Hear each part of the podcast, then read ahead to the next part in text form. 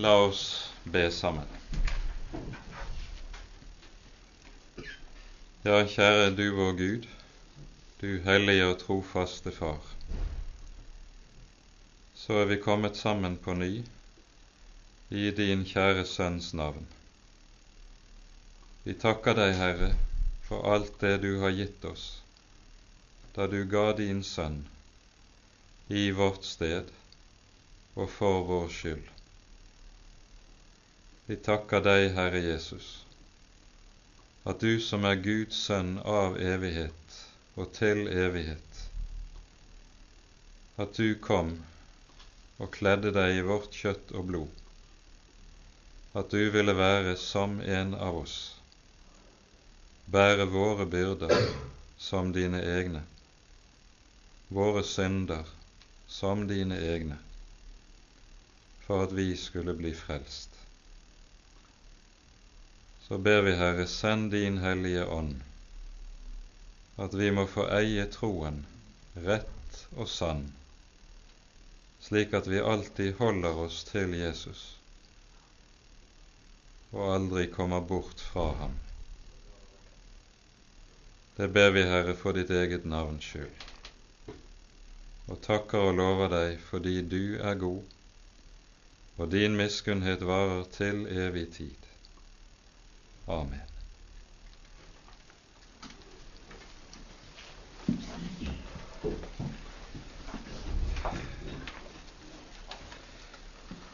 Vi er da altså kommet til det andre kapitlet i 1. Johannes brev, og vi leser nå fra vers 18 og ut kapittelet.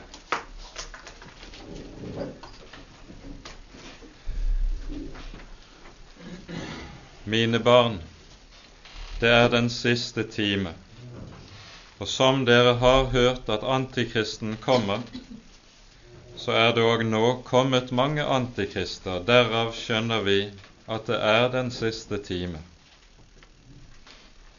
De er gått ut fra oss, men de var ikke av oss, for hadde de vært av oss, så var de blitt hos oss. Men det skulle bli åpenbart at ikke alle er av oss. Og dere har salvelse av Den hellige og vet alt. Jeg skriver ikke til dere fordi dere ikke kjenner sannheten, men fordi dere kjenner den og vet at ingen løgn er av sannheten. Hvem er løgneren uten den som nekter at Jesus er Kristus?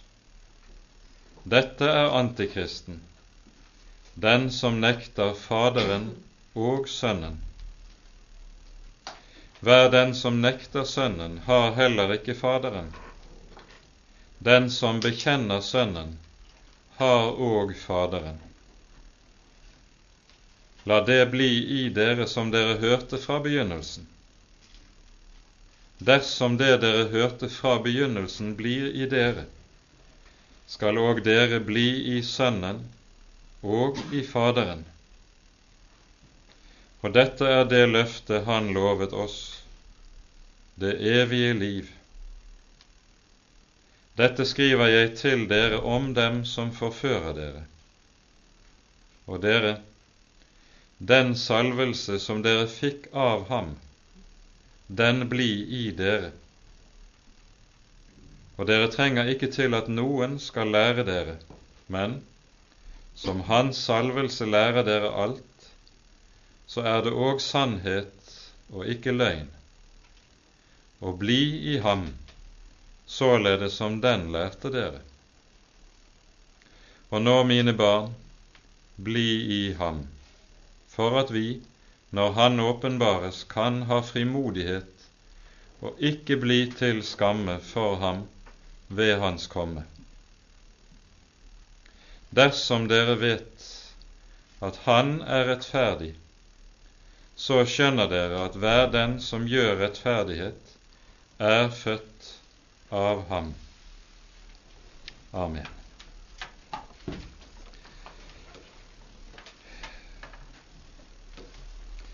De første versene i, som vi nå har lest, de rakk vi så vidt også å se litt på forrige gang.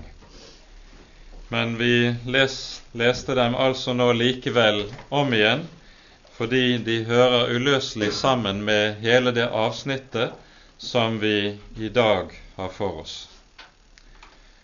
Og temaet, eller hovedoverskriften, for det avsnittet som vi nå har lest, det er den vranglære om Kristi person som har nå dukket opp og fremtrådt i sin første skikkelse i det vi nå ved overgangen mellom Eh, det første og det andre århundret ser gnostisismen vokse frem og gjøre seg gjeldende også innenfor den kristne menighet. Gnostisismen kom jo gjennom de neste 200 årene til å utgjøre en dødelig fare for den første kristne kirke. Her var det nemlig slik at Oldkirken, som vi gjerne kaller perioden frem til eh, 313, da man fikk Konstantins frihetsedikt, eventuelt 325 kirkemøte i Nikea. Dette er perioden som kalles Oldkirkens tid den var kjennetegnet av at den første kristne kirke sto overfor to alvorlige farer. Den første kom utenfra, nemlig gjennom keisermaktens stadige forfølgelse av den kristne menighet og stadige forsøk på å utrydde den kristne kirke og den kristne tro. I tillegg var det altså den fare som kom innenfra, og som ytret seg i form av vranglære. Og da var det ganske særlig vranglære om Jesu Kristi person det dreiet seg om. Og det er nettopp dette som apostelen taler om nå i dette avsnittet vi har lest.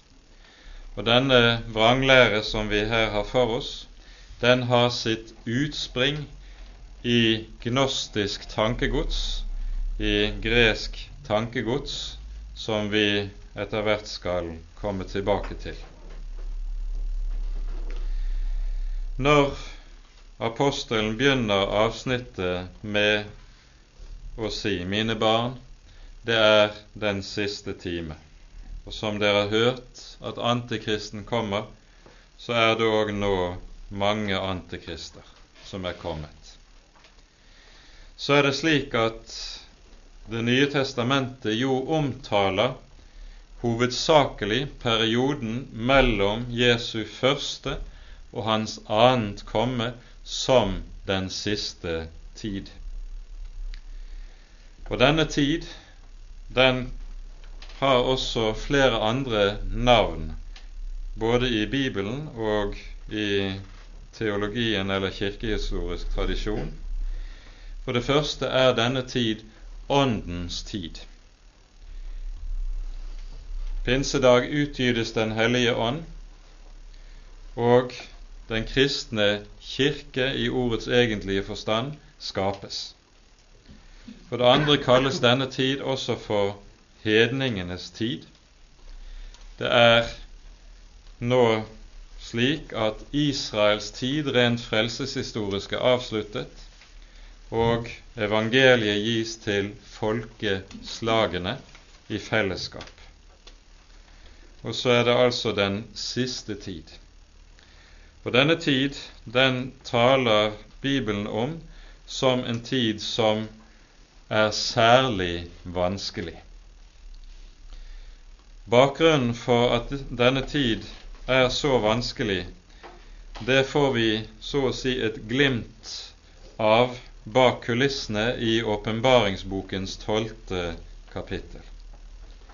Her hører vi om hvorledes dragen, djevelen, den gamle slange som forfører hele jorderiket, kastes ned på jorden.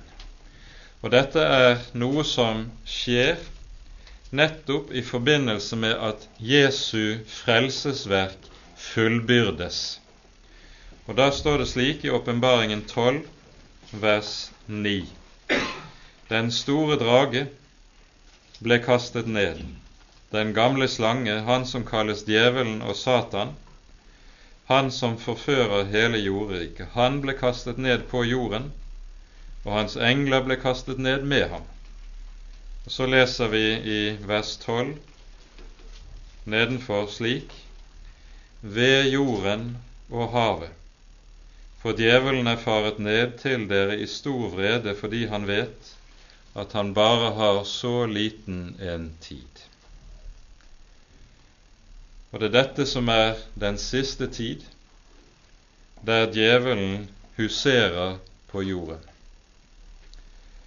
Og han gjør seg altså gjeldende både i det som er maktens forsøk på å utrydde den kristne tro, og i forførelsens skikkelse som kommer gjennom vranglæren.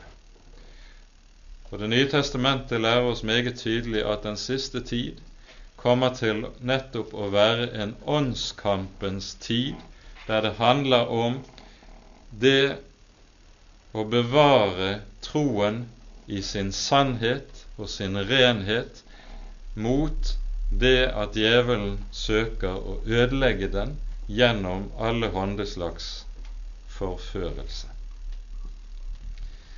Dette er med andre ord også de falske profeters tid.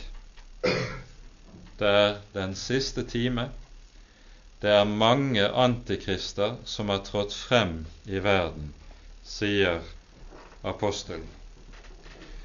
Og Her skal vi peke kanskje særlig på to andre viktige tekster.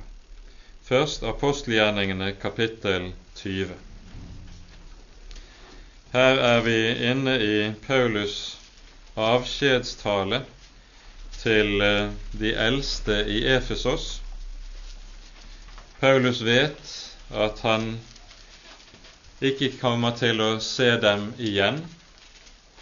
Og denne avskjedstalen inneholder så å si hans åndelige testamente.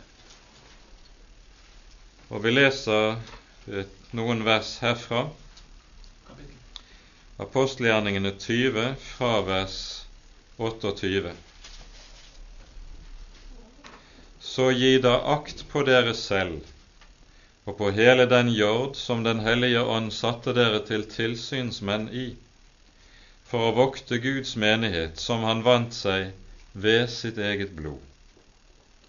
Jeg vet at etter min bortgang skal det komme glupende ulver inn blant dere som ikke skåner jorden.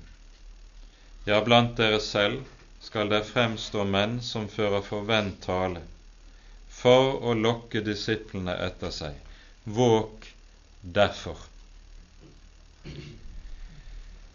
Når Paulus her kaller disse falske profeter for glupende ulver, så vil vi huske at dette har sin bakgrunn i Jesu ord i bergprekenen, der han i Matteus 7 sier 'Vokt dere for de falske profeter, som kommer til dere som ulver i saueham.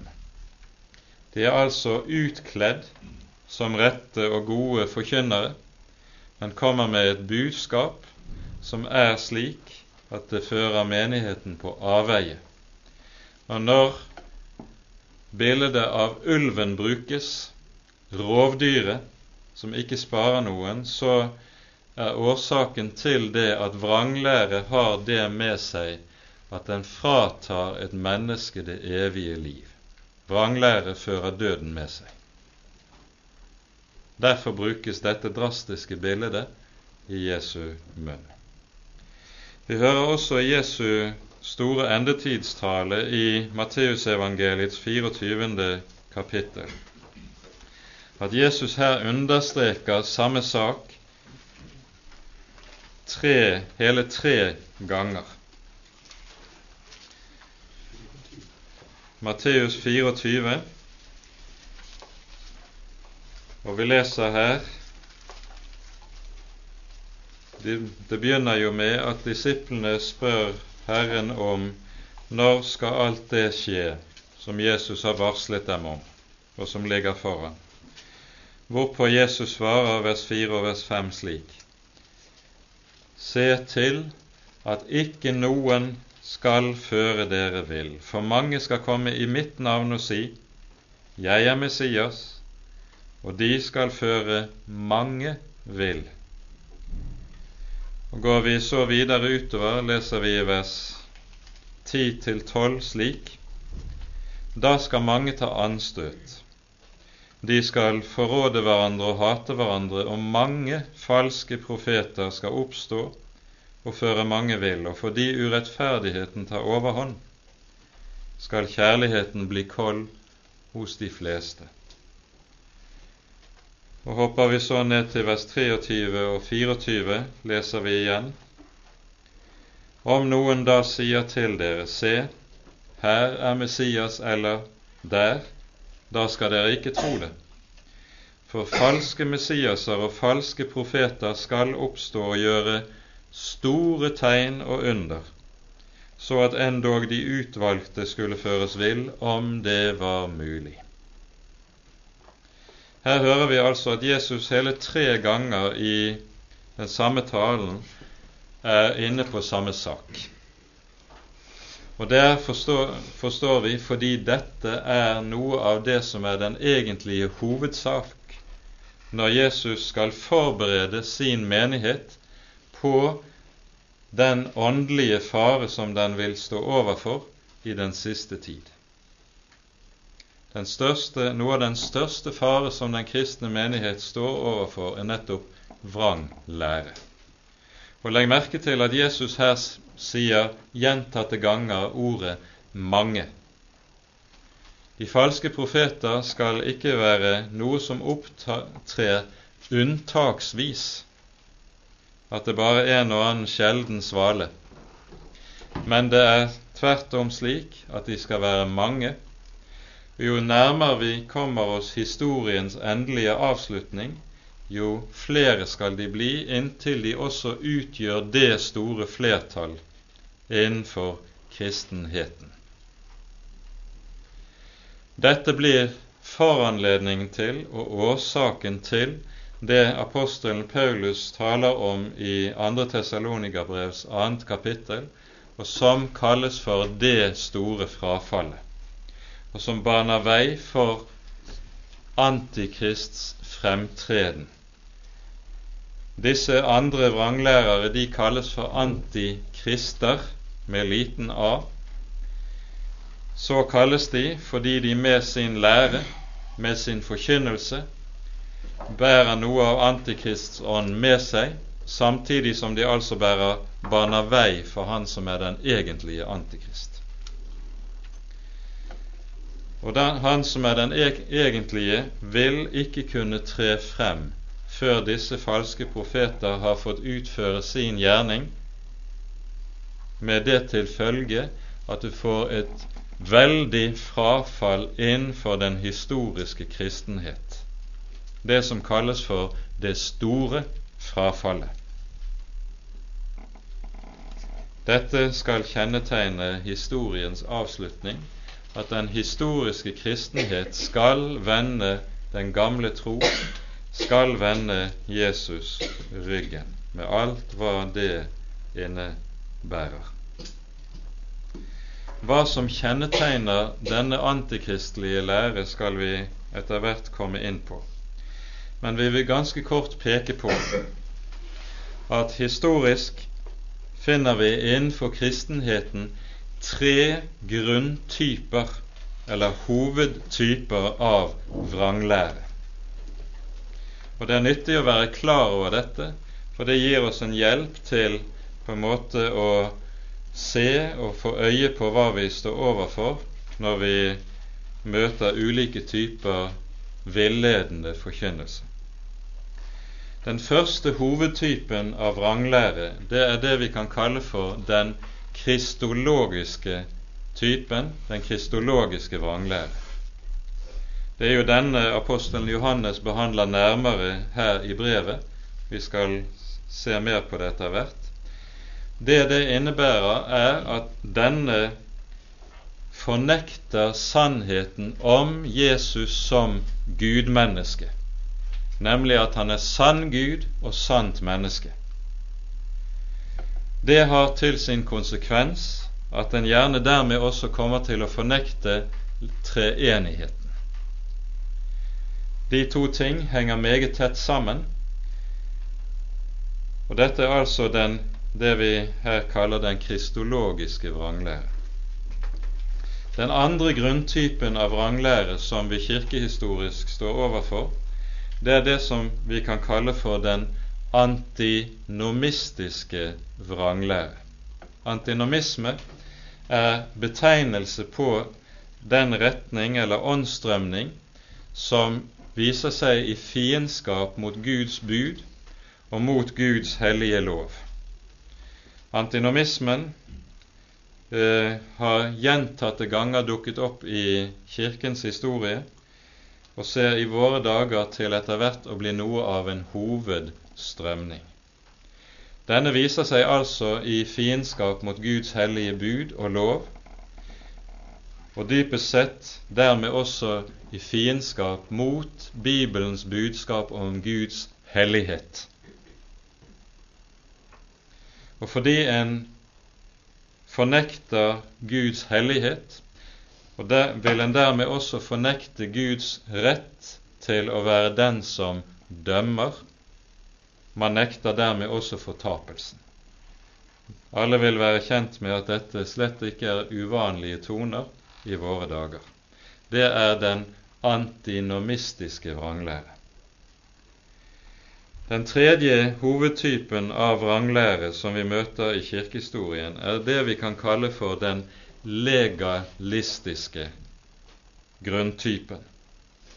Denne er det apostelen Paulus tar opp i Galaterbrevet, og som er kjennetegnet ved det som kalles for å blande lov og evangelium. Det det medfører, er at det uvegerlig vil hindre menneskers frelse idet det fører mennesker inn i en lovisk eh, kristendomstype som gjør at en setter sin lit til egne gjerninger i stedet for til Jesus alene. Den er altså kjennetegnet av at en blander lov og evangelium med det til følge at en får ulike typer av frelseslære der menneskets egen innsats kommer inn i bildet når det taler om frelsen. Det var jo dette reformasjonen hadde som sin hovedsak. Det var Luther og den lutherske kirkes oppgjør med den katolske gjerningsrettferdighet og gjerningshellighet. Men den var ikke overvunnet den gang. Den dukker stadig opp på ny og på ny i Kirkens historie. Dette er de tre klassiske grunntyper av vranglære som en vil møte i kirkehistorien. Og alt det man i hovedsak vil møte av vranglære ellers, kan klassifiseres under en av disse grunntypene. Det kan nytte å være klar over akkurat dette. Når apostelen Johannes nå taler om disse vranglærere, så sier, sier han om dem de er gått ut fra oss, men de var ikke av oss. Det som er den umiddelbare følge av denne typen vranglære, er at det fører til brudd i det kristne fellesskap. Det fører til splid, i menighetene, og det fører til det som man teologisk kaller for kirkesplittelse. Der disse typer vranglære opptrer, der vil man alltid finne og se at det først blir strid, og deretter kirkesplittelse. Det er den uvegerlige konsekvens av dette. Her er det da slik at Bibelen lærer oss meget tydelig og klart hva det er som skaper enhet i troen. Vi har vært inne på det allerede i det første kapittelet i 1. Johannes brev, der apostelen jo sier om det budskap han forkynner. Det vi har sett og hørt, det forkynner vi for dere, for at òg dere kan ha samfunn med oss. Men vårt samfunn er med Faderen og med Hans Sønn Jesus Kristus. Vi legger altså merke til at det er et bestemt budskap som skaper fellesskap. Det er altså dette budskap som skaper enhet de troende imellom. Og dette er helt avgjørende å være klar over. Enhet i troens folk og i Guds folk skapes altså ikke gjennom at vi prøver å glatte over alle motsetninger og alle forskjellige oppfatninger gjennom at vi skal prøve å vise toleranse og kjærlighet mot hverandre. Det som skaper enhet i den kristne menighet, er sannheten i Guds ord, ikke kjærligheten.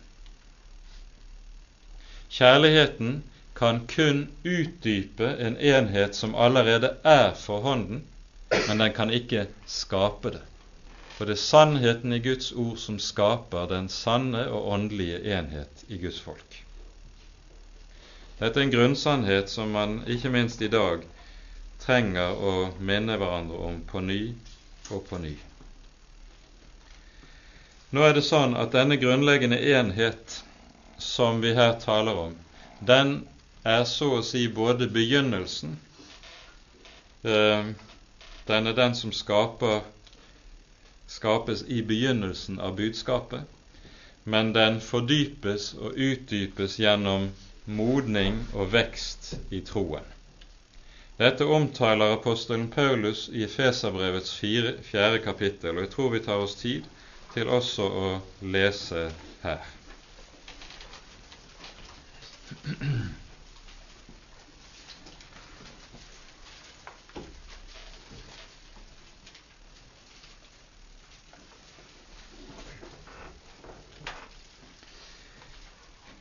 Her begynner dette kapitlet med å formane de troende til å legge stor vind på å bevare troens enhet. Og så sier han så fra vers 4 til 6 hva som kjennetegner denne troens enhet. Han sier det er ett legeme, det er én ånd, like som dere er kalt med ett håp i deres kall. Det er én Herre, én tro, én dåp, én Gud og alles Fader, han som er over alle og gjennom alle og i alle. Og så taler han lenger ned nå i forlengelsen om hvorledes han har innsatt undervisningen av Guds ord, eller med Guds ord, i menighetene. Og så sies det at hensikten med denne stadige undervisning og fordypelse i Guds ord, det er det vi hører fra vers 13 av og utover. Inntil vi alle når frem til enhet i tro på Guds sønn, og i kjennskap til ham, til manns modenhet, til aldersmålet for Kristi fylde. Fordi vi ikke lenger skal være umyndige, og la oss kaste og drive om av ethvert lærdomsvær ved menneskenes spill, ved kløkt i villfarelsens kunster, men at vi, sannheten tro i kjærlighet, i alle måter skal vokse opp til Ham som er hodet, Kristus, av hvem hele legemet sammenføyes og sammenknyttes ved hvert bånd Han gir, og vokser sin vekst som legeme til sin oppbyggelse i kjærlighet, alt etter den virksomhet som er tilmålt hver del især. Her møter vi et uttrykk som er viktig. sannheten tro i kjærlighet. Det som kjennetegner sann kristen tro, er for det første at den har kjærlighet til sannheten. Dette er noe som brukes som hovedbetegnelse på det å være et Guds barn i 2. Tessalonikerbrevs 2. kapittel. Å være en kristen er å ha fått kjærlighet til sannheten. Da er det slik at sannhetsspørsmålet ikke er noe som er likegyldig. I det, som, det åndsklimaet som vi kjenner fra vår egen tid, så er jo nettopp sannhetsspørsmålet noe som ses på som irrelevant. Vi kjenner relativismen, pluralismen, i samfunnet vårt, som vil hevde det finnes ingen absolutte sannheter overhodet. Gi opp det prosjektet. Og vi kjenner tilsvarende fra det samfunn vi lever i, også syndkritismen, dvs. Si at man blander alle mulige slags ulike sannheter sammen til en lapskaus som en så mener at en kan leve på. Dette er åndsklimaet som vi lever i, og det er meget lett at vi også som kristne kan smittes av dette på en slik måte at sannhetsspørsmålet, nemlig da spørsmålet om hva er sann og rett lære efter Guds ord, blir noe som skyves hen på sidelinjen som noe som er likegyldig. Det er ikke rett etter Guds ord. For det som kjennetegner et Guds barn, det er nettopp en har fått kjærlighet til sannheten. Da er en aldri likegyldig når det gjelder lærespørsmål heller. Dette er grunnleggende. Jesus sier da også, når han vitner for Pilatus, og Pilatus spør han, så er du da konge? Og Jesus svarer, mitt rike er ikke av denne verden. Og så videre, jeg er dertil født og dertil båret at jeg skal være konge. Og så kommer det, vær den som er av sannheten, hører min røst. Å være kristen er å ha kjærlighet til sannheten. Det er å være født av sannheten. Og Derfor kalles også den kristne menighet i Bibelen for sannhetens støtte og grunnvoll. En kristen har fått kjærlighet til sannheten. Derfor er det også noe av et hovedkjennetegn på levende kristen tro at den gleder seg over klar og tydelig bekjennelse. Jeg vet på hvem jeg tror, skriver Paulus. Det skal også den kristne tro glede seg ved. For Den hellige ånd har også dette som noe av sitt kjennetegn. Han taler klart, han taler tydelig, og han hjelper til avklaring og tydelighet i Åndens saker. Derfor heter Den hellige ånd også sannhetens ånd.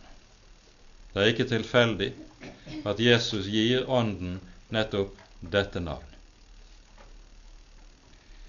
De som altså fører en annen lære, de har brutt med dette.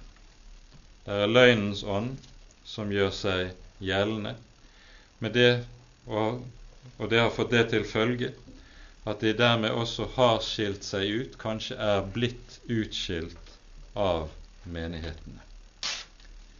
For løgn og sannhet skal ikke finne sammen og skal ikke kan ikke bo under samme tak.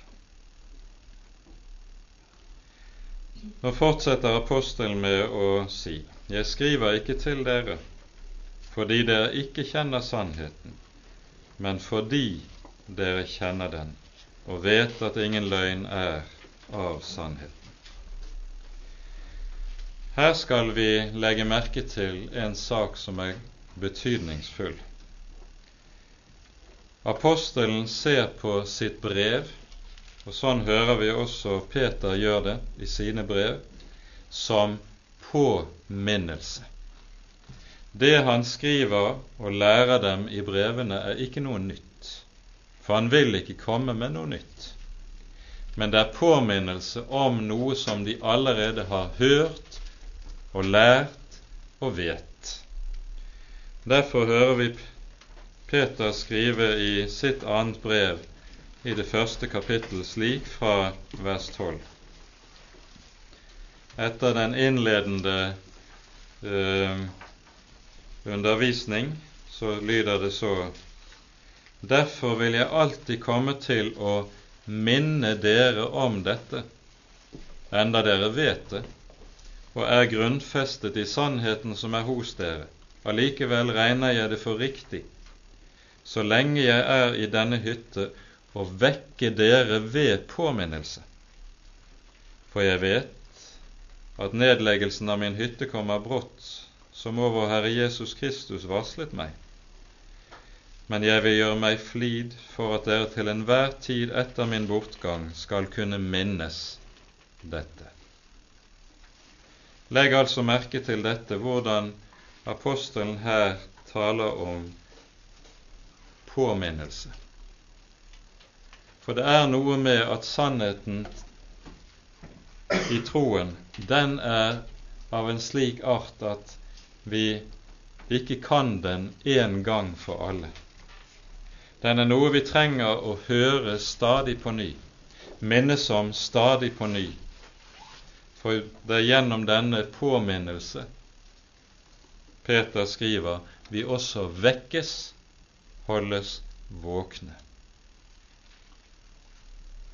Den andre saken som ligger i dette, er at gjennom denne slags påminnelse som vi her hører, så skaper det stadfestelse og grunnfestelse i troen noe som har den største betydning. Den som er ny og ubefestet i troen, han vil veldig lett kunne, som vi hørte fra Efeserbrevet, la seg drive omkring av ulike lærdomsvær. Men den som et gradvis gjennom troens modning og vokse i kristen erkjennelse, vokse i erkjennelse i Guds ord, han vil grunnfestes og stadfestes, så det ikke lenger blir noen nærliggende fristelse for ham. Og Derfor er dette som vi her hører om påminnelse, repetisjon, utdypelse, noe som er viktig. Dette innebærer også at den de grunnsannheter som vi lærte da vi kom til troen, det er slike sannheter som vi ikke så å si går forbi, legger bak oss, utvikler oss videre bort ifra. En kristen går ikke videre i denne forstand av ordet. Tvert om er det slik at nettopp de grunnsannheter som vi blir frelst på og ved, som vi nemlig hørte i begynnelsen. Disse vokser vi i stedet dypere og dypere ned i og inn i. Det er saken. I 2. Johannes brev så bruker apostelen et særegent uttrykk når han taler om vranglærerne. I vers 9 så står det slik Vær den som slår inn på avveier og ikke blir i Kristi lære, han har ikke Gud. Bokstavelig står det i grunnteksten her vær den som går videre. Man blir ikke videregående i troen i den forstand at vi så å si ikke lenger trenger de første og de grunnleggende sannheter. Tvert om, det vi hørte fra begynnelsen, det skal vi bli værende i. Det er det vi skal vokse dypere ned i og grunnfestes i. Så kommer vi til vers 22 og 23. Her er det nå at Johannes eh, nærmere klargjør hva antikristens ånd er og er kjennetegnet av. Hvem er løgneren uten den som nekter at Jesus er Kristus? Dette er antikristen som nekter Faderen og Sønnen. Det første vi legger merke til i dette verset, det er nettopp denne forbindelsen mellom at nekter en sannheten om Kristi person, så vil det umiddelbart også slå ut i en nektelse av forholdet mellom Faderen og Sønnen, altså en nektelse av treenigheten. De to ting hører uløselig sammen. Dernest, når det her er tale om at det er noen som nekter at Jesus er Kristus, hva er det en slik fornektelse egentlig innebærer? Ordet Kristus det er jo den greske oversettelsen av det hebraiske ordet Messias, som betyr 'den salvede'. Og når Bibelen gir Jesus tittelen Kristus eller Messias, så er det en tittel som beskriver Jesus som den som oppfyller Guds frelsesløfter i den gamle pakts hellige skrifter. Det er altså slik, og dette skal vi merke oss, å nekte at Jesus er Kristus. Det første en slik fornektelse innebærer, det er at den avskjærer forbindelsen til Det gamle testamentet der man finner en fornektelse av Jesu bånd til Det gamle testamentet, og at Jesu både person og budskap har sine røtter i Det gamle testamentets budskap, der vil det uvegerlig føre til en fornektelse av Kristi person. Dette er da også noe vi ser er typisk for gnostisismen når den vokser frem den nærer et veldig fiendskap nettopp mot Det gamle testamentets hellige skrifter. Typisk er det vi hører om vranglæreren Markion, som opptrer i Roma rundt år 150. Han er gnostiker, han, men han vil samtidig gjøre seg gjeldende som presbyter innenfor menigheten i Roma. Og Det han gjør, det er at han forkaster hele Det gamle testamentet som hellig skrift, pluss også de deler av Det nye testamentet som kan forbindes med Det gamle testamentet. Han vil kun beholde 13 rensede Paulusbrever som hellig skrift. Og dette er typisk for gnostikerne. De avviser, de forkaster Det gamle testamentet. Dette ser man også ganske karakteristisk uttrykk for i dag innenfor nyreligiøsiteten, det som kalles for New Age-religiøsiteten, som egentlig bare er en moderne variant av den, gnost den gnostisisme som man fant innenfor Oldkirken. Denne nyreligiøsitet har også som kjennemerke det samme fiendskap i forhold til Det gamle testamentet. Her skal vi være oss klart bevisst at det Jesus sier i Matteus 5, 17, Dere må ikke tro at jeg er kommet for å oppheve loven og profetene. Jeg er ikke kommet for å oppheve, men for å oppfylle. Det er et programord der Jesus beskriver selve hensikten med sitt komme.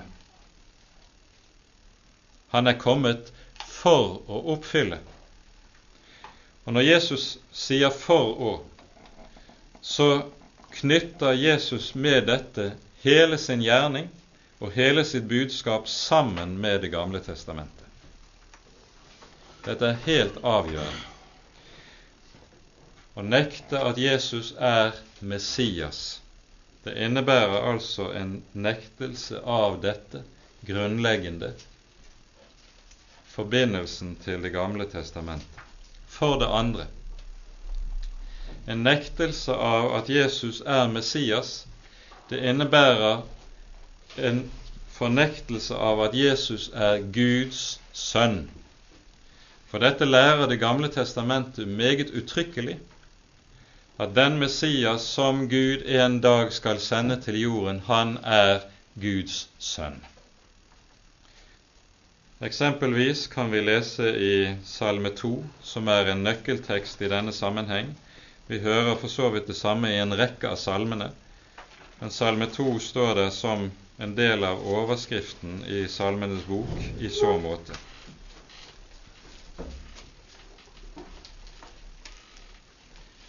Her hører vi om allerede innledningen til Salmenes bok det antikristelige fiendskap mot Sønnen. Den begynner sånn Hvorfor larmer hedningene og grunner folkene på det som fåfengt er? Jordens konger reiser seg, fyrstene rådslår sammen mot Herren og mot Hans salvede, mot Hans Messias. Så hører vi Guds svar på dette. Han som troner i himmelen, ler. Herren spotter dem. Så taler han til dem i sin vrede, og i sin harme forferder han dem. Jeg har dog innsatt min konge på Sion, mitt hellige berg. Jeg vil kunngjøre hva fastsatt er. Herren sa til meg, Du er min sønn, jeg har født deg i dag. Her hører vi altså Messias sier dette uttrykkelig, at han er Guds sønn. Og når Jesus i Matteus 16 stiller disiplene det store spørsmål Hvem sier folk at jeg er? Og disiplene svarer, noen sier så, og andre så, hvorpå Jesus fortsetter med å spørre, men dere, hvem sier dere at jeg er? Og Peter svarer på disiplenes vegne, du er Messias, den levende Guds sønn. Og Dette er en erkjennelse av hvem Jesu person er, som vokser ut av nettopp slike ord i Den hellige skrift som vi her har lest. Tilsvarende kan vi gjøre oppmerksom på et ord som f.eks. ordspråkene 30. kapittel. Det er en rekke andre tekster som kan komme inn i bildet, men vi har ikke tid til det. I ordspråkene 30 står det slik Hvem for opp til himmelen og for ned? Hvem samlet været i sine never? Hvem bandt vannet i et klede? Hvem satte alle jordens grenser? Hva er hans navn, og hva er hans sønns navn? Du vet det. Her er det tale om hans sønns navn, som troner i det høyeste i himlene. Hva er hans navn? Vi vet hva, hva hans navn er. Det er Jesus. For det tredje så lærer Det gamle testamentet meget tydelig at når Messias kommer, så er han Gud. Guds sønn er ikke bare en tittel som skal beskrive en særlig høyhetsstilling, men det er en tittel som innbefatter at Messias er Gud.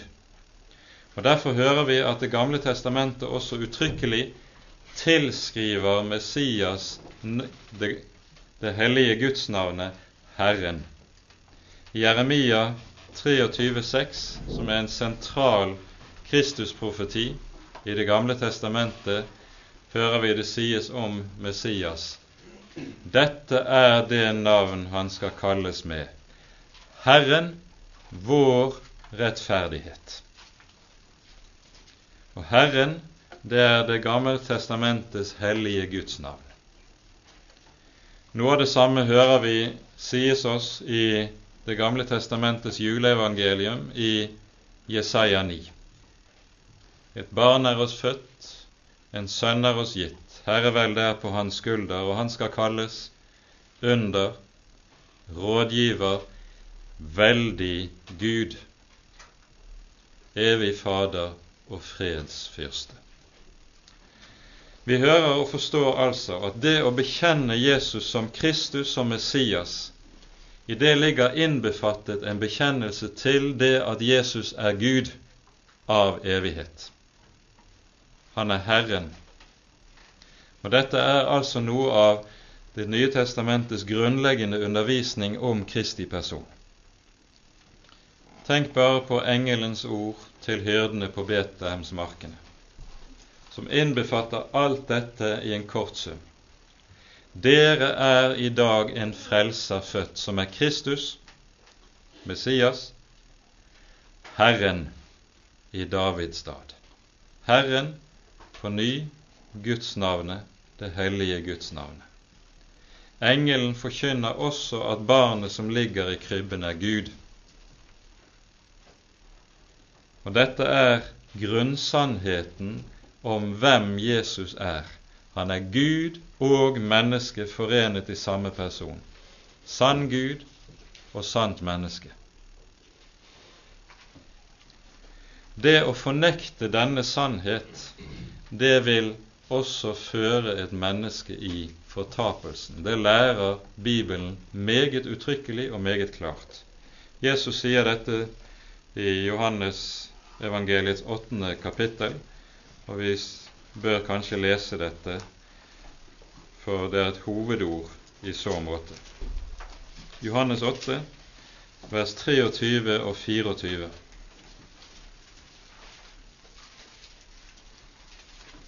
Jesus sa til dem, Dere er nedenfra, jeg er ovenfra.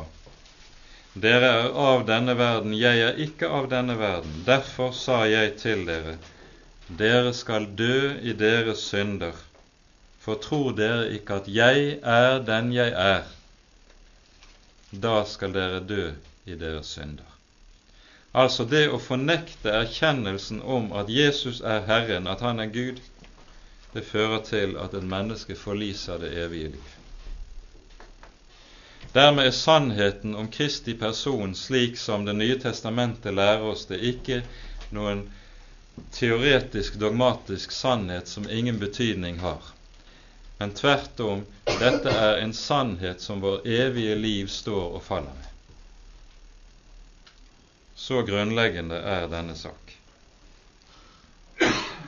Og Derfor er det også slik at, som vi her hører, at å nekte at Jesus er Messias, det blir også å nekte Faderen og Sønnen.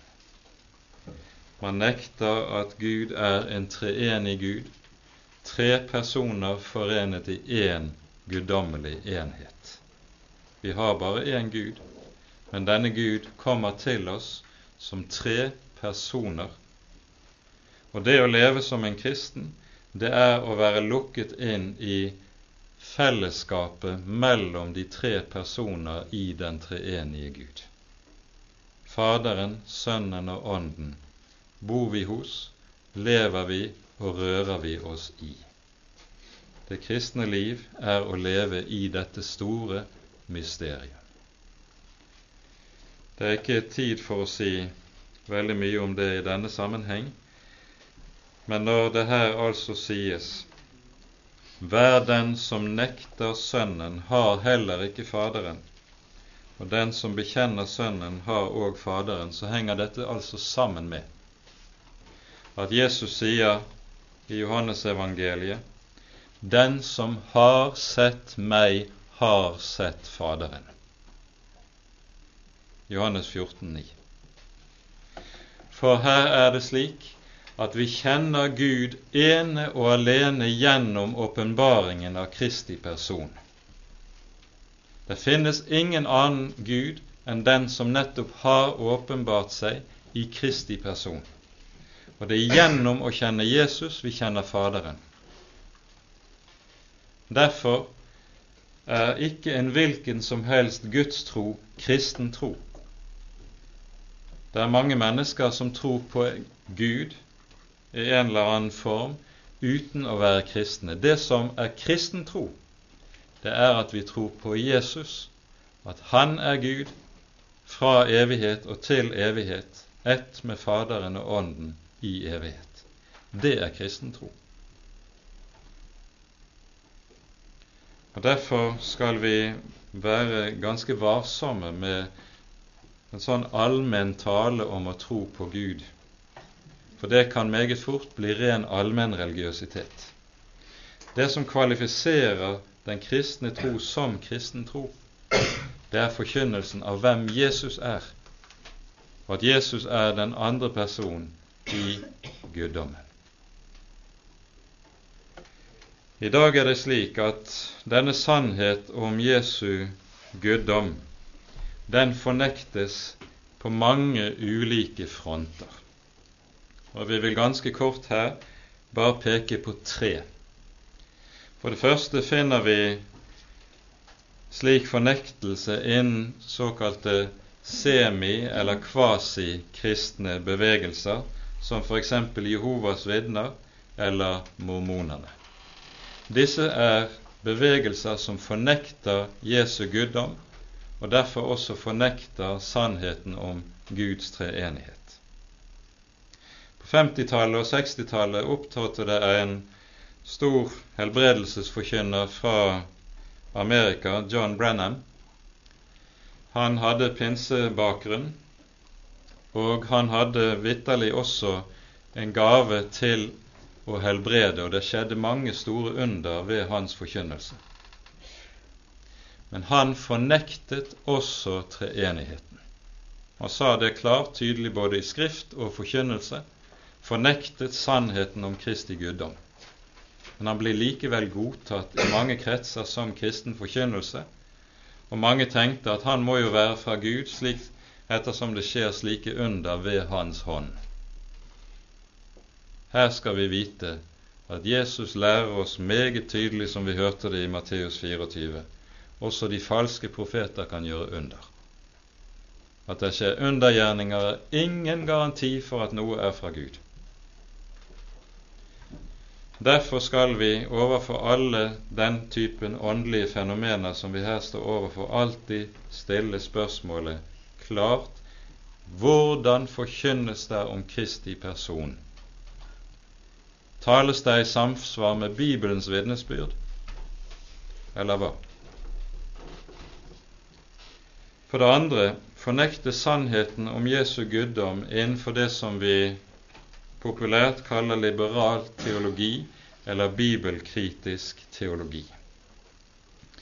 Dette er en retning som har rådet grunnen ved universitetene og den teologiske utdannelse i Vesten i nærmere hundrede år. Og Det som kjennetegner denne retning, det er at det den ønsker å presentere for det moderne mennesket, er det som den gjerne kaller for den historiske Jesus. Med sin bibelkritiske eh, teologi så regner en Bibelens vitnesbyrd om Kristi person som ikke pålitelige. De er mer uttrykk for from fantasi, de er mer uttrykk for hvorledes de første kristne var fanget av eh, eh, primitivt verdensbilde og overtro som vi moderne mennesker ikke behøver å føle oss bundet av. Og så kan den liberale teologi presentere for oss noe som de kaller for den historiske Jesus. De mener seg å kunne trenge bakom bibeltekstene og finne en eller annen historisk person som altså er den historiske Jesus. Og så lager man et skille mellom troens Kristus og historiens Jesus. Og det er to vidt forskjellige skikkelser. Den historiske Kristus, eller historiske Jesus, han er ikke født av jomfruen. Han er ikke Gud av evighet. Han har ikke stått opp fra de døde tredje dag, osv., osv. Det er en radikal fornektelse av sannheten om hvem Jesus er, på rasjonalistiske premisser. Men dette skjer altså ved et stort flertall av de teologiske fakulteter i den vestlige verden. Hos oss har i de siste 40-50 årene typiske representanter for dette vært Jakob Jervel og Inge Lønning. De har vært ganske så profilerte i norsk kristenliv, og mange av dere vil kjenne til dem. Disse representerer denne typen teologi og fornektelse. Ingen kristen kan høre på dette og tro på dette samtidig bli bevart som kristne mennesker. Det tredje felt der man møter i dag fornektelse av Kristi guddom, det er innenfor den typen ny religiøsitet, New Age-religiøsitet, som er påvirket fra Østen, eller altså fra den gamle gnostisisme. Her møter man også en konsekvent fornektelse av Bibelens vitnesbyrd om Jesus. Og Det som gjerne ligger bak denne fornektelse, er på den ene side en veldig fiendskap mot den kristne kirke. Det er Kirkens Kristus man vil til livs, for den Kristus som Kirken forkynner, det er kun et resultat av kirkelig maktbegjær som ønsket å undertvinge alternative retninger i oldkirken. Og så vil man da fri seg både fra Kirken, fra den organiserte religiøsitet, fra den kristne kirkes vitnesbyrd om Jesu person. Og Det en da gjerne gjør, det er at en også da eh, finner en sterk fascinasjon ved en rekke av de gamle gnostiske skrifter som en nå har funnet igjen. Dere har alle hørt om Thomas-evangeliet, siste skrik her på denne stammen. Det er Judas-evangeliet. Og du har en mengde andre slike skrifter. Felles for disse er at de fornekter at Jesus både er sann Gud og sant menneske. I stedet lærer de at vi er guddommelige i oss selv. Og det er nyreligiøsiteten i et nøtteskall. Vi har det guddommelige, eller Gud, en guddomsgnist, liggende i vårt eget hjerte. Og det å være rett et rett åndelig menneske. Å våkne opp åndelig, det er å oppdage denne vidunderlige sannhet at jeg er guddommelig. Og når man innenfor nyreligiøsiteten da taler om Jesu person, så taler man om ham gjerne som en som er et slags jordmor, en fødselshjelper for denne erkjennelse. Han fører oss på veien til og hjelper oss til å erkjenne at jeg er guddommelig. Ved roten av denne typen religiøsitet som vi her finner, ligger det som slangen sa allerede i hagen. Kjernen i syndefallets fristelse var dere skal bli like som Gud.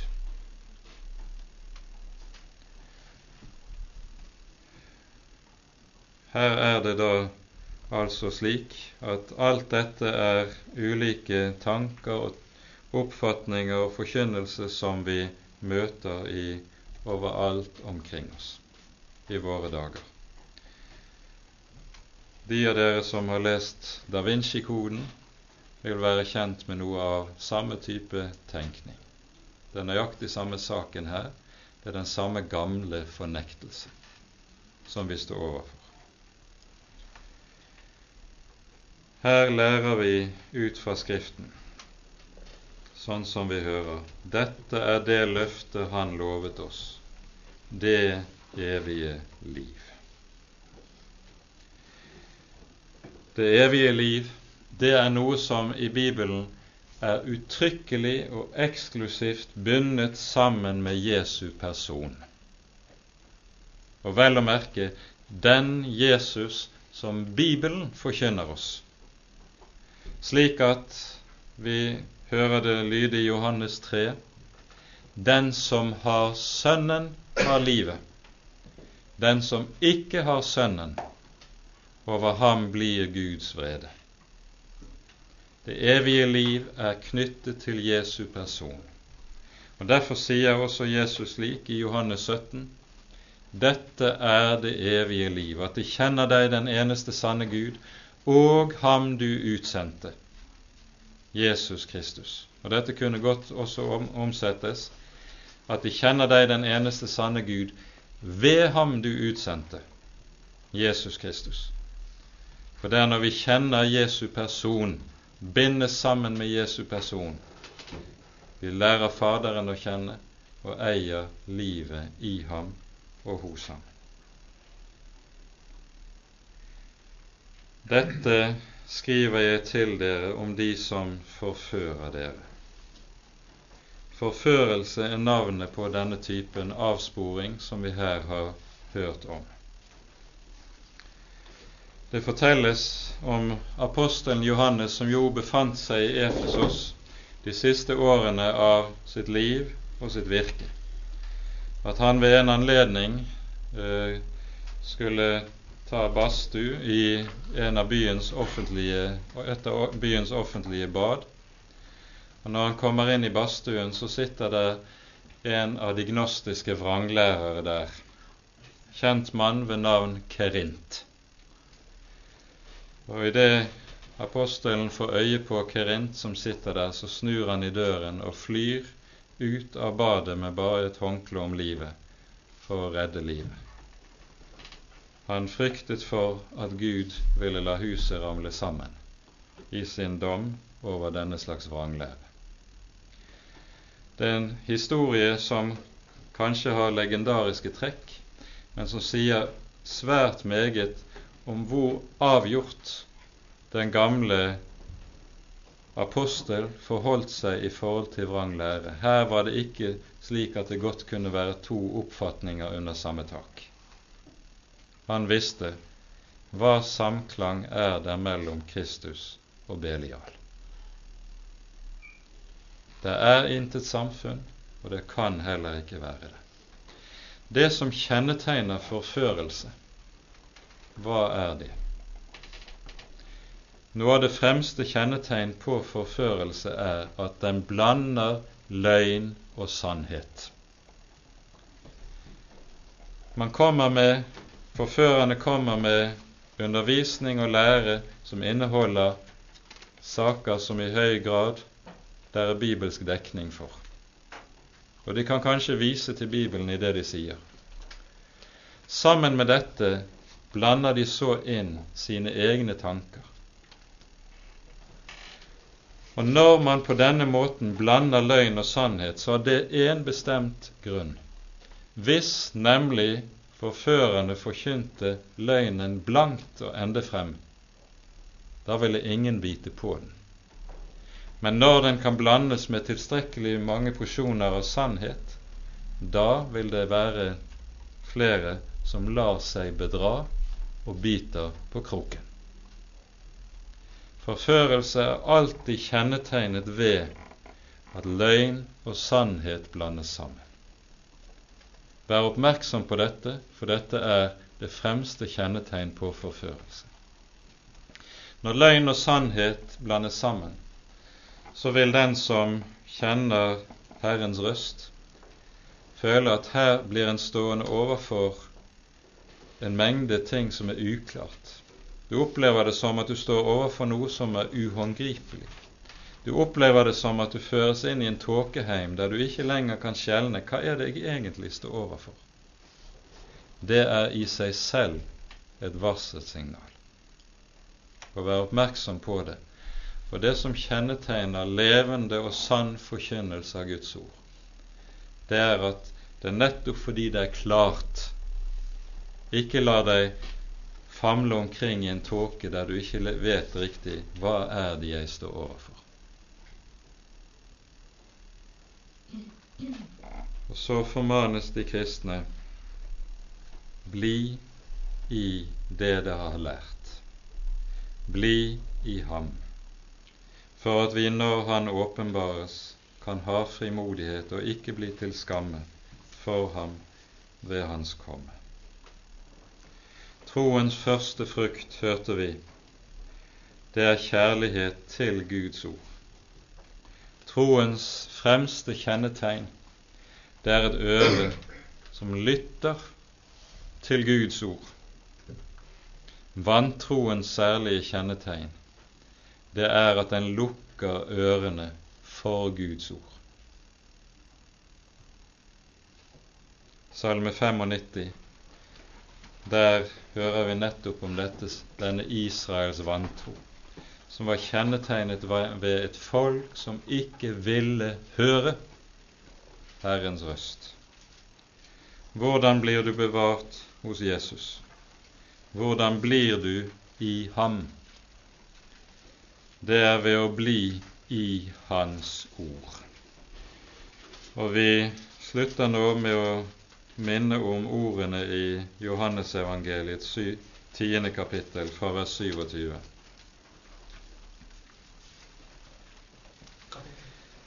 Ti. Mine får hører min røst, og jeg kjenner dem, og de følger meg. Og jeg gir dem evig liv, og de skal aldri i evighet fortapes, og ingen skal rive dem ut av min hånd.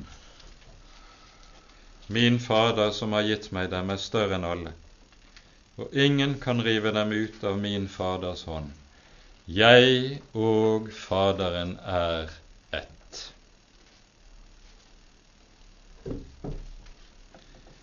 Å bli hos Jesus, det er å ha et åpent øre til å høre Hans røst, til å høre Guds ord, å være hvor dette ord forkynnes rett og sant og klart. Da har vi også Jesu løfte. Ingen kan rive dem ut av min hånd. Ingen.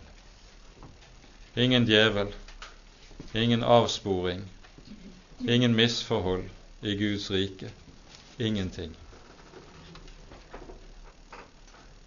For han er sterkere enn alle, og han vet å ta vare på sine små. Han er den gode hyrde. Han er ikke en leiekar som flyr når ulven kommer, men han er den gode hyrde. Bli i ham, bli i hans ord. Amen.